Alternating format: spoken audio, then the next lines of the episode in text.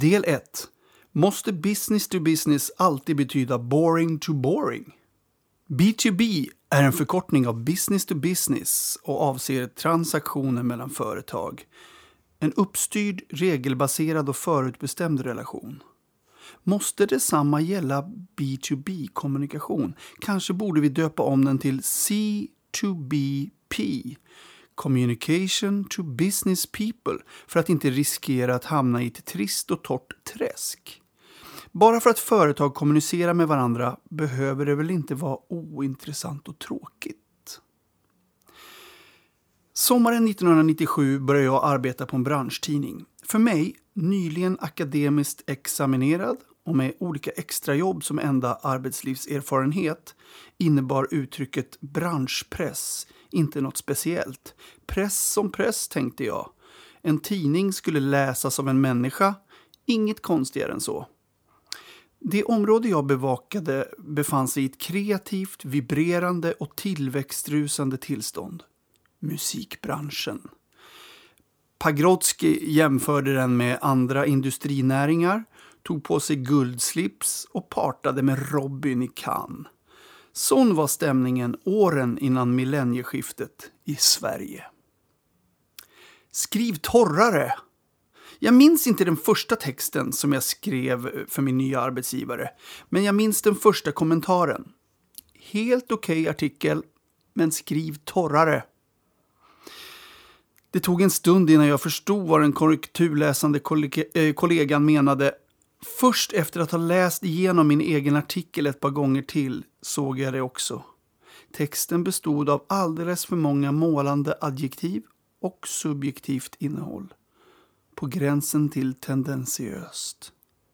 Jag som hade gått olika kurser där skrivande handlade om att gå på djupet, beskriva känslor, färger, inre sensationer, började gräva ner mig i det torra skrivandets konstart.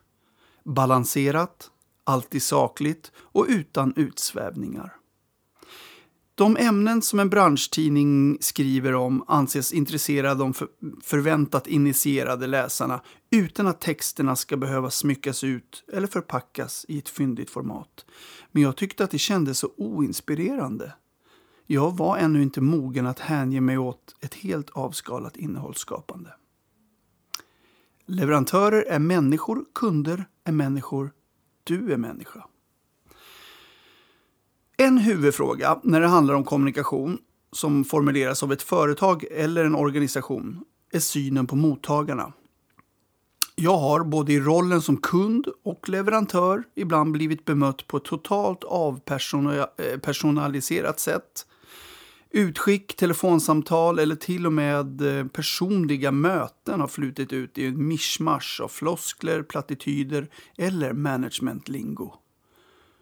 Om jag ska vara kund hos någon vill jag bli sedd och tilltalad som människa, inte en gående plånbok. Om jag är leverantör vill jag bli bemött med human respekt och förståelse, inte som ett nödvändigt ont. Exempel på business-to-business kommunikation som inte är torr.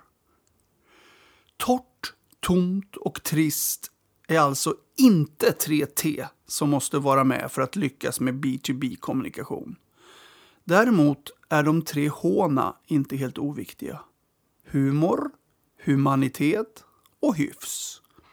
I del två fortsätter jag jakten på hur vi bör tänka när kunder, kollegor och leverantörer ska tilltalas. Har B2B fastnat i ett sätt att kommunicera som till stor del passar mottagarens intresse och kan vi justera synen på den? Men visst, det finns tunga argument för att de tre t bör vara vanligt förekommande när företag kommunicerar med varandra. I del 2 kollar vi på varför. Tydliga undantag? Ja, det finns såklart också sådana. Bara för att någon har hävdat att din bransch är stel, tillbakalutad eller tråkig behöver du inte spä på den bilden. Och här i vår blogg ser vi ett exempel där business-to-business-kommunikationen använder ett business-to-consumer-tilltal på ett mycket attraktivt sätt.